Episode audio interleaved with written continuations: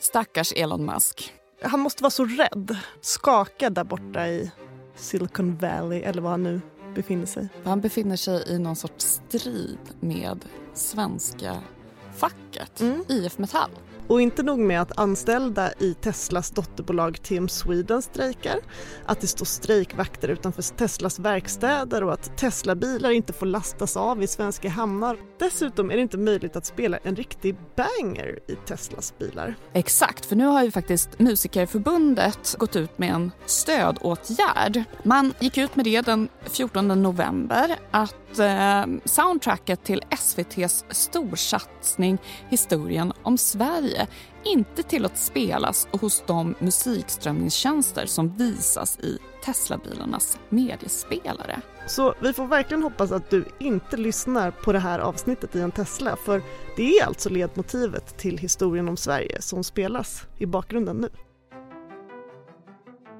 Det här är A-kursen i Svenska modellen Med mig, Emma Frans. och med mig Klara Wallin. Och A-kursen är en podd som ger dig grundläggande kunskaper i aktuella ämnen. Och det här är ju verkligen en fråga som har varit på tapeten på sistone. Konfliktnivån i den redan såriga Tesla-striden breds upp ytterligare vid midnatt och IF Metall inledde sin strejk mot Jag tycker att strejken är jätteviktig. Just idag så gör vi något historiskt. Varför vill du ha ett kollektivavtal? För oss som strejkar så handlar det inte om förmåner. Utan det handlar om att vi vill ha en säker och trygg anställning där vi vet vad vi har för rättigheter. Kollektivavtalet det är sånt som vi ska ha här i Sverige. Tror du Tesla hör er? Eh, Jag tror de hör oss, ja. Så småningom, riktigt ordentligt. Även då andra typer av företag som till exempel Klarna har ju varit i konflikt med facket på sistone och man vet ju också att den här så kallade gig-ekonomin är någonting som faktiskt påverkar förutsättningarna på den svenska arbetsmarknaden. Det här handlar ju om svenska modellen och villkor för alla på svensk arbetsmarknad. För att om vi släpper ett bolag, oberoende om det är stort eller lite, så får det konsekvenser för andra bolag. Och vad är slutänden? Hur långt ska vi backa för att försämra villkoren? För de har ju sämre villkor här än vi ser på övrigt inom motorbranschen. Men vad menas egentligen med svenska modellen och skulle Elon Musk till och med kunna tjäna på att dra på sig en midsommarkrans och bli lite mer svensk när det kommer till sitt företagsledande? One size fits all seemed like a good idea for clothes Nice dress. Uh, it's a it's a t-shirt. Until you tried it on. Same goes for your healthcare. That's why United Healthcare offers a variety of flexible, budget friendly coverage for medical, vision, dental, and more. So, whether you're between jobs, coming off a parent's plan, or even missed open enrollment, you can find the plan that fits you best. Find out more about United Healthcare coverage at uh1.com. That's uh1.com. Many of us have those stubborn pounds that seem impossible to lose, no matter how good we eat or how hard we work out. My solution is PlushCare.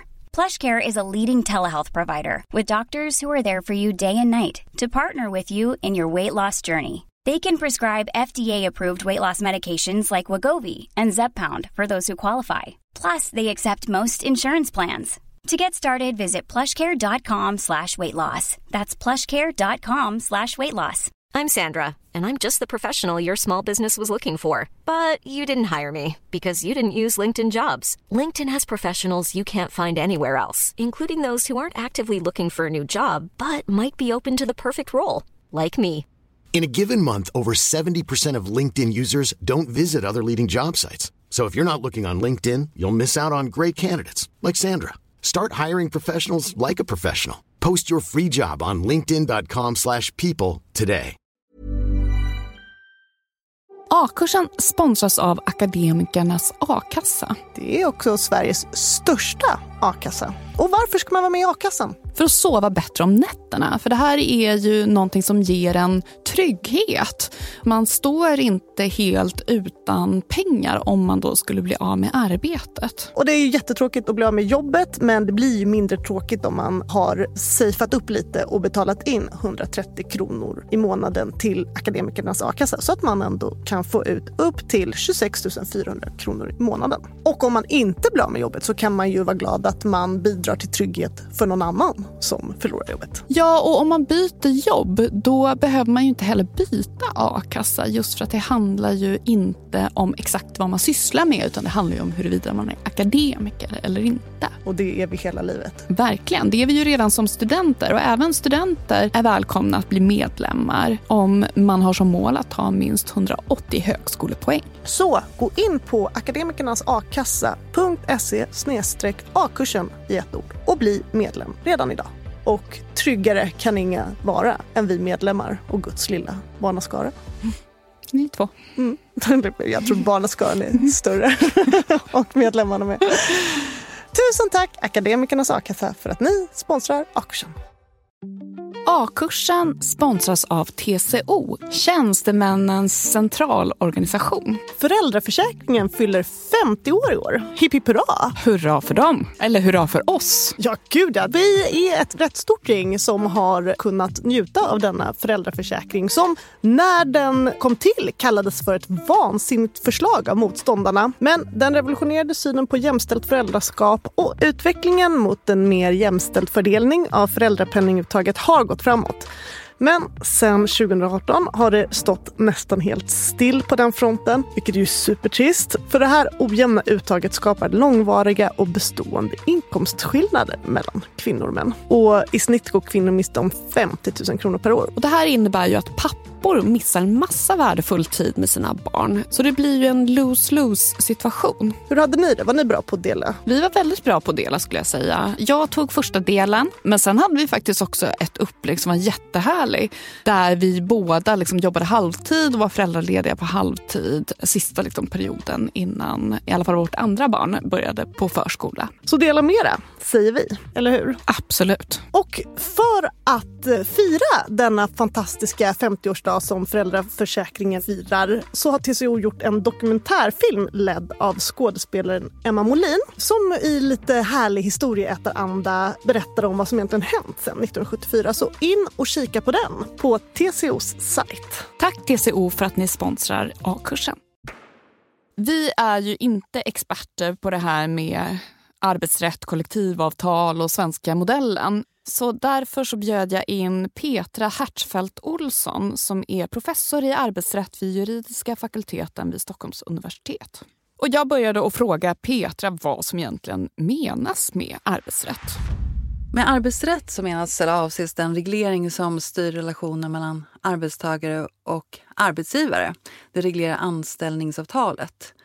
Och dessutom så innefattas också i arbetsrätt relationen mellan fackliga organisationerna och arbetsgivaren.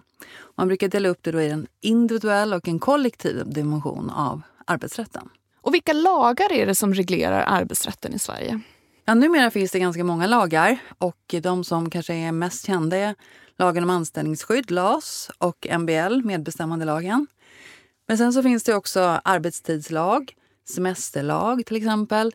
Och det finns också arbetsmiljölagen som är väldigt viktig. Diskrimineringslagen som också är väldigt viktig som styr relationerna i arbetslivet. Men sen så finns det också ett antal lagar som styr lite mer specifika situationer. Som utstationerad arbetskraft finns en särskild lag för och för bemanningsanställda finns en särskild lag till exempel. Så det finns en hel stor arsenal av lagar som styr. Och de har tillkommit då i och med att man har liksom identifierat nya typer av behov på arbetsmarknaden? Ja, det kan man kortfattat säga att det är. Och så ursprung, vi kommer tillbaka till det lite när vi ska prata om den svenska modellen. Men det finns färre lagar helt enkelt eh, ursprungligen. Eftersom utgångspunkten för den svenska modellen är att det är parterna som ska styra genom kollektivavtal. Men successivt har det tillkommit ny lagstiftning och framförallt så tillkom det en hel del lagstiftning på 70-talet. Det var då som lagen om anställningsskydd och MBL tillkom till exempel och även diskrimineringslagstiftningen. Och anledningen var att man inte tyckte att man fick till stånd ett tillräckligt bra reglering helt enkelt genom kollektivavtalen. Utgångspunkten var att man behövde komplettera. Och vad menas då med den svenska modellen? Mm. Den svenska modellen, när vi pratar om den så är utgångspunkten att arbetsmarknaden i Sverige till största del regleras genom kollektivavtal. Och eh, det som är unikt är att staten har väldigt lite att göra med det innehåll som kollektivavtalen har. Parterna på arbetsmarknaden är oerhört autonoma, eller helt och hållet autonoma. De har väldigt stor frihet att själva bestämma innehållet i de här kollektivavtalen. Och den reglering som vi pratade om alldeles nyss, den är också helt inriktad på att främja kollektivavtalsreglering. Så till exempel lagen om anställningsskydd och även medbestämmandelagen, bestämmelserna där är vad man kallar för semidispositiva.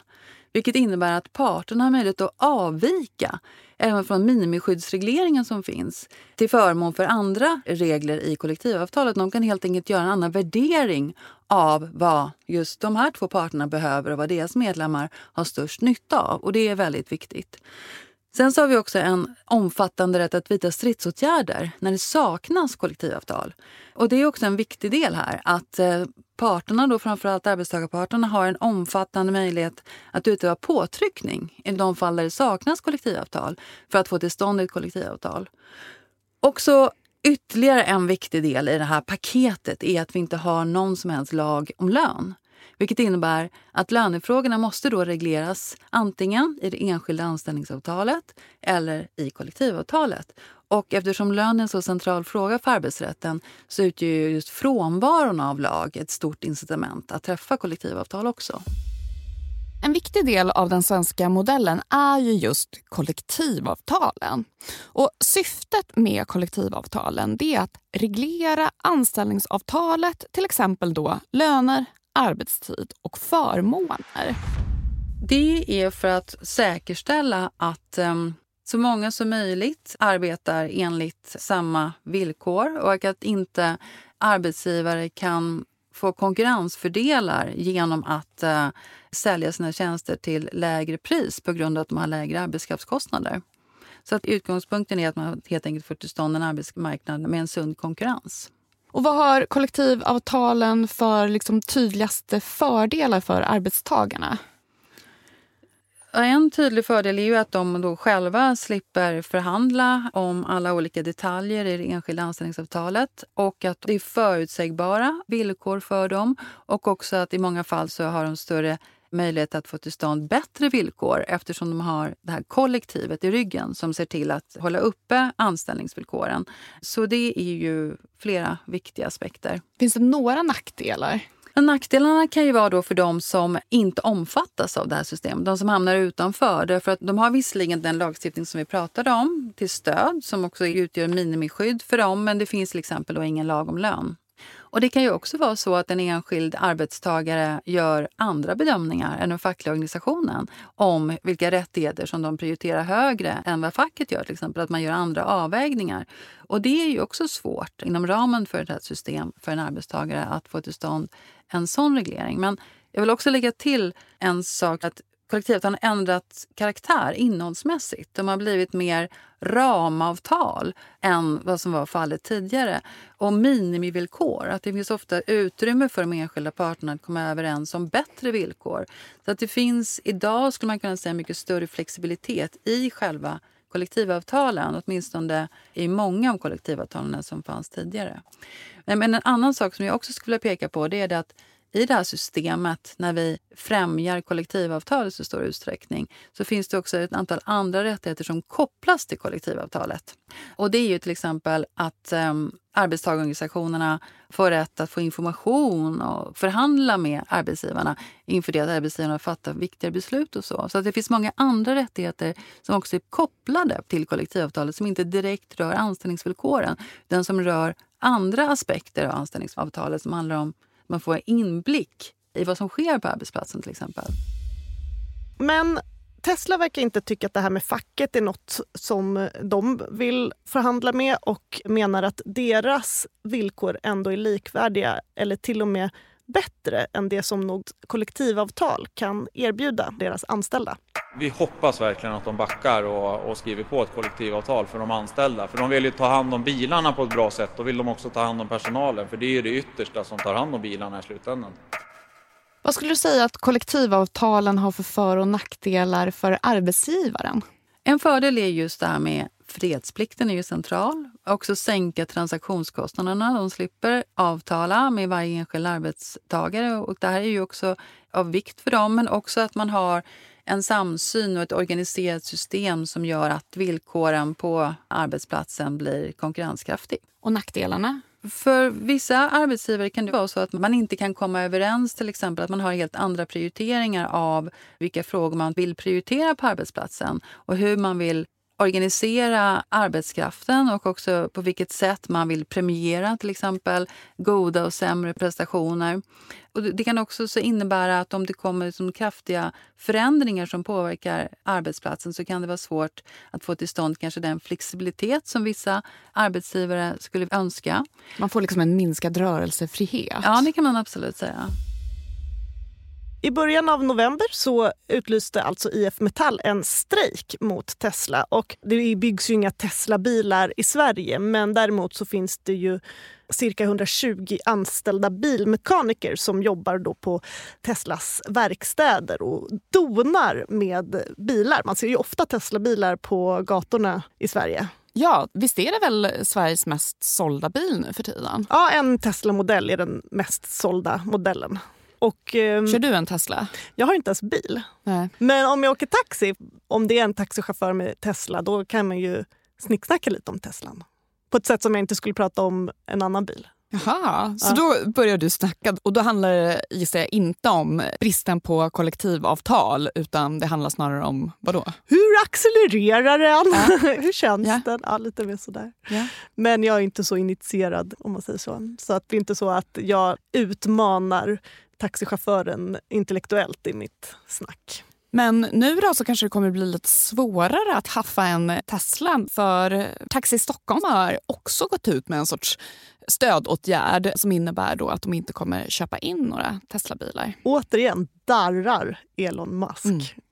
Men skämt åsido så är ju den här konflikten faktiskt ganska betydelsefull. Och både då när det gäller Tesla och svensk arbetsrätt så kan den ju faktiskt vara avgörande för hur förhållandena mellan arbetsgivare och arbetstagare utvecklas i framtiden. Ja, vi ska inte sitta här och raljera för det är inte för inte som det här faktiskt har blivit en världsnyhet, denna svenska strejk mot Tesla. En strejk innebär att eh, arbetstagarna inte utför det arbete som de har åtagit sig att utföra enligt anställningsavtalet. De lägger ner arbetet, kommer inte till sin arbetsplats, utför inte sina arbetsuppgifter. Och facket kan då utlysa en strejk. Mm. Och varför gör man det? Om det är ett kollektivavtal som gäller på arbetsplatsen då råder fredsplikt. Vilket innebär att då får helt enkelt inte parterna vidta några stridsåtgärder. Men när det saknas kollektivavtal då inleder ofta den fackliga organisationen förhandlingar med motparten om att vi skulle vilja träffa kollektivavtal med er. Man kommer inte överens. Motparten kanske inte vill träffa kollektivavtal. Och då överväger den fackliga organisationen att man ska vidta stridsåtgärder som en påtryckningsåtgärd. Och det kan vara på arbetsplatser som aldrig haft kollektivavtal men det kan också vara under de årliga löneförhandlingarna att man inte kan komma överens om en tillräckligt hög löneökning trots det här ansvarstagandet. Man har olika bild helt enkelt av vilken lönehöjning som den svenska arbetsmarknaden klarar av. Och vilka övriga stridsåtgärder finns att tillgå förutom strejk? Det finns till exempel blockad och bojkott. Man kan ha en blockad som innebär att inga medlemmar får ta anställning på en viss arbetsplats eller att inga medlemmar får utföra tjänster åt en viss arbetsgivare eller arbetsplats till exempel, vilket är vanligt. Och det kan finnas också mer punktorienterade strejker, att vissa centrala funktioner på en arbetsplats tas ut i strejk. Övertidsblockad finns också, man vägrar utföra övertidsarbete. Så det finns en ganska stor arsenal av åtgärder som man kan ta till. If you thought the only way to get a more defined jawline with natural looking results was through surgery, think again. Juvederm Volux XC is a non surgical injectable gel filler that improves moderate to severe loss of jawline definition and can help you achieve natural looking results with little downtime. Even better, this improved definition lasts up to one year with optimal treatment. No maintenance required. Improve jawline definition for a smooth, sculpted look with Juvederm Volux XC. For important safety information and to find a licensed specialist, visit juvederm.com. That's J U V E D E R M.com. Not for people with severe allergic reactions, allergies to lidocaine, or the proteins used in Juvederm. Common side effects include injection site redness, swelling, pain, tenderness, firmness, lumps, bumps, bruising, discoloration, or itching. There's a risk of unintentional injection into a blood vessel, which can cause vision abnormalities, blindness, stroke, temporary scabs, or scarring. Talk to a licensed specialist to find out if it's right for you. Hiring for your small business? If you're not looking for professionals on LinkedIn, you're looking in the wrong place. That's like looking for your car keys in a fish tank. LinkedIn helps you hire professionals you can't find anywhere else, even those who aren't actively searching for a new job but might be open to the perfect role. In a given month, over 70% of LinkedIn users don't even visit other leading job sites. So start looking in the right place. With LinkedIn, you can hire professionals like a professional. Post your free job on linkedin.com slash people today. Hey, it's Ryan Reynolds, and I'm here with Keith, co-star of my upcoming film, If, only in theaters May 17th. Do you want to tell people the big news? All right, I'll do it. Sign up now and you'll get unlimited for $15 a month in six months of Paramount Plus Essential Plan on us. Mintmobile.com slash switch. Upfront payment of $45 equivalent to $15 per month. Unlimited over 40 gigabytes per month. Face lower speeds. Videos at 480p. Active Mint customers by 531.24 get six months of Paramount Plus Essential Plan. Auto renews after six months. Offer ends May 31st, 2024. Separate Paramount Plus registration required. Terms and conditions apply if rated PG. Så det står ju alltså strejkvakter och grejer utanför Teslas verkstäder nu. I gula västar. Men eh, det verkar inte vara så avskräckande. Det är folk som kommer och jobbar ändå. För annars så är det väl kutym i Sverige att arbetsgivare också respekterar det här att när man har en pågående strejk så tar man inte in strejkbrytare. Du menar svartfötter? För bland arbetarna så kallas ju de här svikarna som då bryter strejken och kommer in och jobbar för svartfötter medan det är ju inte direkt så som de kallas av eh, arbetsgivarna. Då är de eh, kelgrisar och chefens favorit. Ja, det hade ju varit snyggt, men de har den lite mer stiffa benämningen arbetsvilliga. Eller hade förr i alla fall. För som du säger, det är inte så vanligt att man tar in strejkbrytare längre. Det finns blodiga historier om sånt, om man säger så. För den 12 maj 1931 så anlände tåget till Härnösand med 60 stycken strejkbrytare. Och det här var ju då en väldigt jobbig tid i Sverige och i hela världen. Det var ju 29 som den stora depressionen drog igång. Och den politik som bedrevs då var så här, i dåliga tider då sänker man lönerna. Och i Ådalen då, i Ångermanland, där var det en industri med trä, metall och papper som hade blomstrat och varit superexpansiv i början av 1900-talet. Men där slog ju depressionen hårt och när deras löner skulle sänkas med 4 öre i timmen från 1 krona och 18 öre till 1 krona och 14 öre, då utbröt en strejk. Och då var det så himla enkelt för arbetsgivarna att plocka in strejkbrytare. Det fanns till och med en organisation som hette Surtaxkommittén som anställde och transporterade strejkbrytare. Och det var Svenska arbetsgivarföreningen, SAF, som då stod bakom. Det är Svenskt Näringsliv idag. Och den här strejken bröt ut i oktober 1930. Men då i maj så behövdes det folk att lasta pappersmassa på båtar. Och då behövde de få in folk som gjorde det. Och det var egentligen en förlustaffär för industrin. Så det var väl mer att statuera ett exempel. Och Principiellt? Inte, mm, mm, och inte ge de här strejkarna rätt. Då började alltså de här strejkbrytarna att ladda massbalar på ångaren Milos. Vilket ledde till att ett demonstrationståg tar sig till den här båten. Och Det är hundratals demonstranter som tar sig dit och de flesta av de här strejkbrytarna flyr. De hoppar i vattnet och flyr. Men Var det våldsam demonstration? Ja, de ja, det åkte på stryk. Ja, det blir verkligen upplopp och lynchstämning på den här båten. Och de här fem strejkbrytarna som inte hinner fly hissas upp i vinschar. Och det sägs att en av dem har lackskor som sticker ut då ur arbetarkläderna. Så det är också en bild man har av de här strejkbrytarna. Att det är inte såna som kommer av nöd för att de verkligen måste ha jobb. Utan det är mer att de politiskt inte vill ge arbetarna rätt. Men det kan man... De är inte riktiga arbetare utan de är liksom lakejer till finans människorna? Det är den bilden man har. Sen, de här personerna har blivit anonymiserade i alla protokoll och så. Så att man vet inte exakt.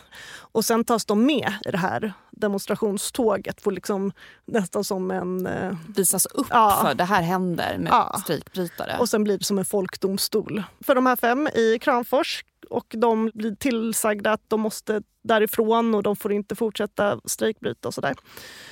Och då som en reaktion på det här så begär landshövdingen i Härnösand begär då att yrkesmilitär ska komma dit och skydda de här strejkbrytarna.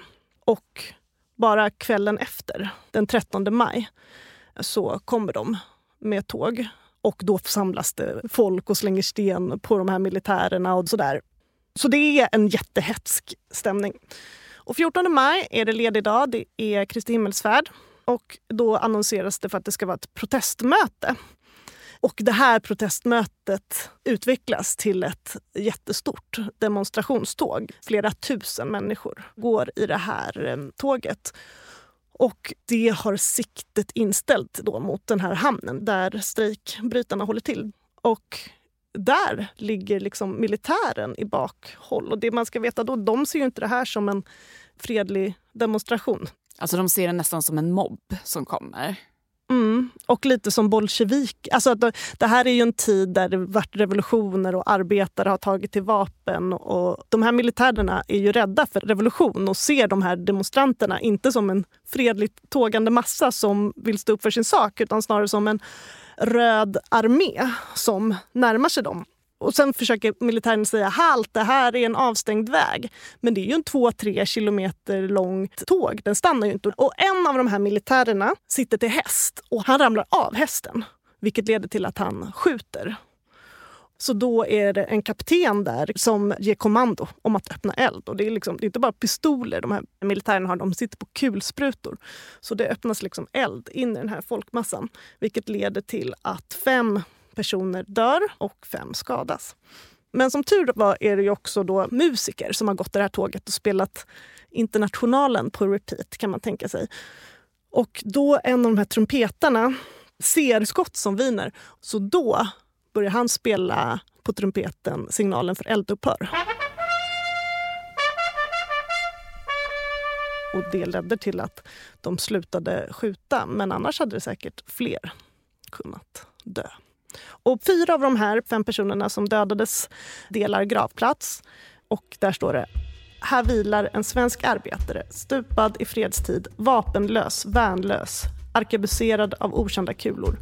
Brottet var hunger. Glöm honom aldrig. Men det verkar ändå som att de här skotten i Ådalen var en startpunkt för den svenska modellen och liksom upprinnelsen till folkhemmet. Så att hade det inte varit för skotten i Ådalen så kanske inte Socialdemokraterna hade vunnit valet åren senare.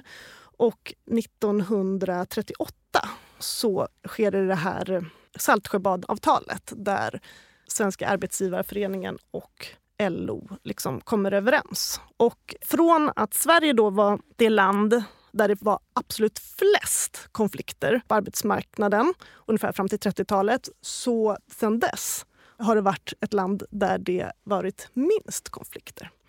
Och arbetsgivarna såg också att det fanns en poäng med att inte hålla på att fightas. Det har vi lärt oss om i vårt avsnitt om tredje världskriget att det är ju väldigt kostsamt med konflikter. Är det ovanligt med strejk i Sverige jämfört med andra länder? Ja, och det känns intuitivt motsägelsefullt att vi har en av de starkaste regleringarna till stöd för att vidta stridsåtgärder i världen. Och ändå har vi så väldigt få dagar som förloras på grund av stridsåtgärder. Och, eh, jag kan ta ett exempel. Medlingsinstitutet ger ut årligen en rapport som beskriver hur den svenska arbetsmarknaden har utvecklats under året.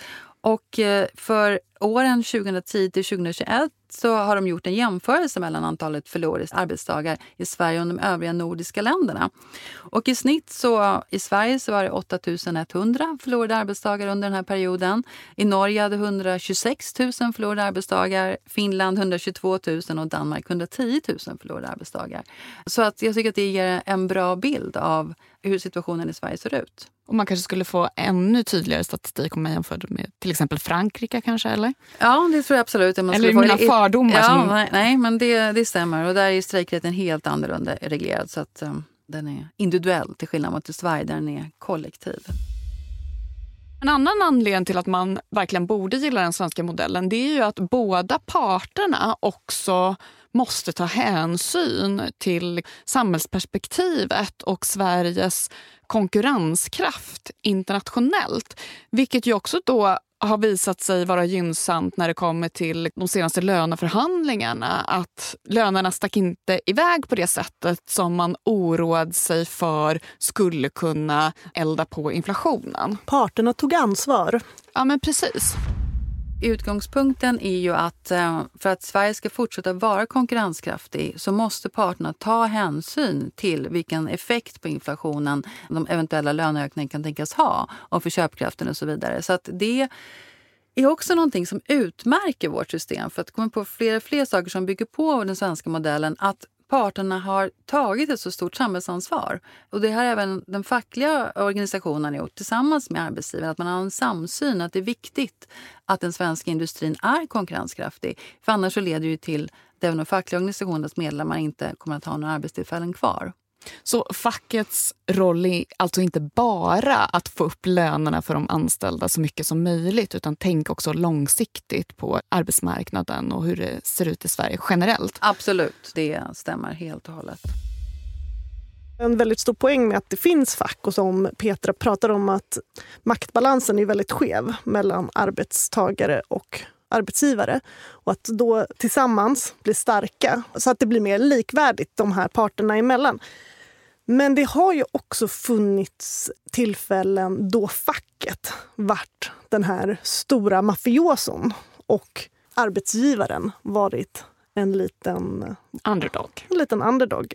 Och jag lånade den här boken på biblioteket häromdagen. Vill du berätta vad är det är för bok? Det är en välsminkad kvinna på omslaget och Eh, titeln på boken är Wild and Fresh. Det här skulle kunna handla om lite vad som helst om man inte då läser underrubriken där det står Min berättelse om salladsbaren. Och jag gissar att det är författaren på omslaget och hon heter då Sofia Appelgren. Det stämmer att det är hon. Och minns du salladsbaren? Vagt skulle jag säga.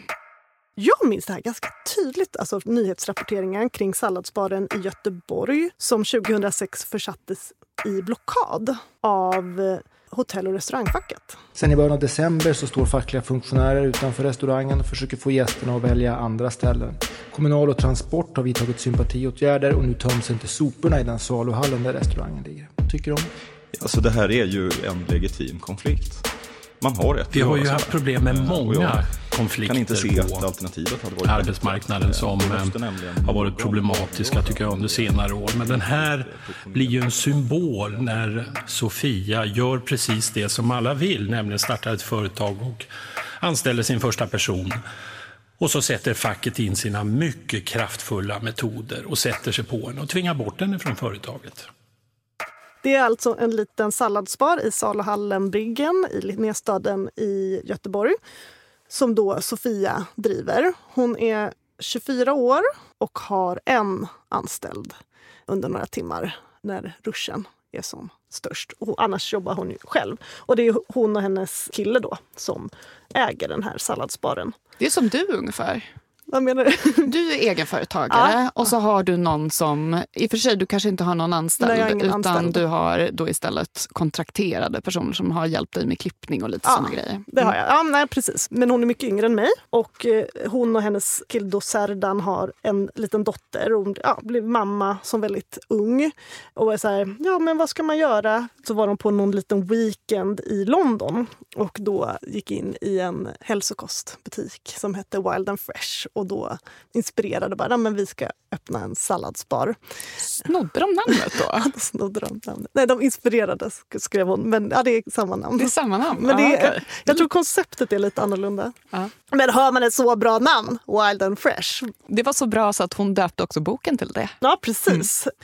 Och det var ju mest veganer och vegetarianer och så som sökte sig till den här salladsbaren som han har öppet i typ åtta månader innan då facket satte den i blockad. Men då började det komma liksom businessgubbar som hade föredragit att äta en stek men av sympati åt då på denna salladsbar. Det började med att Sofia då och hennes man fick ett rek, ett brev till sig som de hämtade ut och då var det liksom som ett färdigt kollektivavtal. som så här, skriv på det här.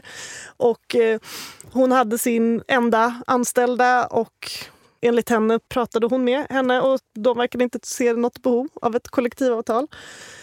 Um, och den anställda var liksom inte med i facket och hade liksom på något sätt tryckt på för att det här skulle hända? Nej, utan det var från då hotell och restaurangfacket som det här kom. Och de hade väl någon liten räd där de skulle försöka få alla att teckna kollektivavtal. Och hon har ju då sin restaurang i en saluhall så alla andra restauranger känner sig nödgade att skriva på det här avtalet men hon säger nej, det finns ingen anledning.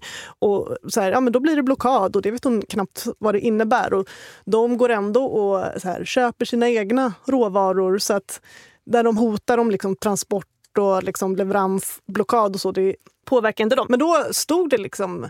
I början stod det ju då strejkvakter, men det var ju ingen av hennes anställda som strejkade så att då tog de väl bort just benämningen strejkvakt. Men då stod de där och delade ut flygblad och grejer utanför saluhallen, vilket ledde till att de hade aldrig haft så mycket kunder innan och Sofia blev då tvungen att anställa två ytterligare tjejer. Och sen skulle de ändå ha någon ettårsfest utanför arbetstid och då stod det jättemycket folk, samlades hur mycket folk som helst och då blev hon så ledsen så då bestämde hon sig för att sälja salladsbaren. Men det är ju inte så bra när facket blir den stora stygga parten. Det spelar ju inte dem i händerna. Nej, vad jag har förstått så innebar det här liksom en riktig PR-katastrof för facket. Nej, precis. Det var ju en jättedålig eh, metod. Och det kanske också innebar att man inte har gjort den typen av liknande blockader sen dess? Jag tror att det var en felräkning från fackets sida att tänka att bara vi är tillräckligt buffliga och kraftdemonstrerar så kommer folk bara skriva på av rädsla. Och sen kanske inte låg i deras beräkning att följden skulle kunna bli att de släcker en entreprenörsglöd hos en ung tjej. Man inser ju att det är viktigt också att ha det vinnande narrativet. Och att Människor gör ju ofta en maktanalys och ställer sig på liksom den svaga individens sida.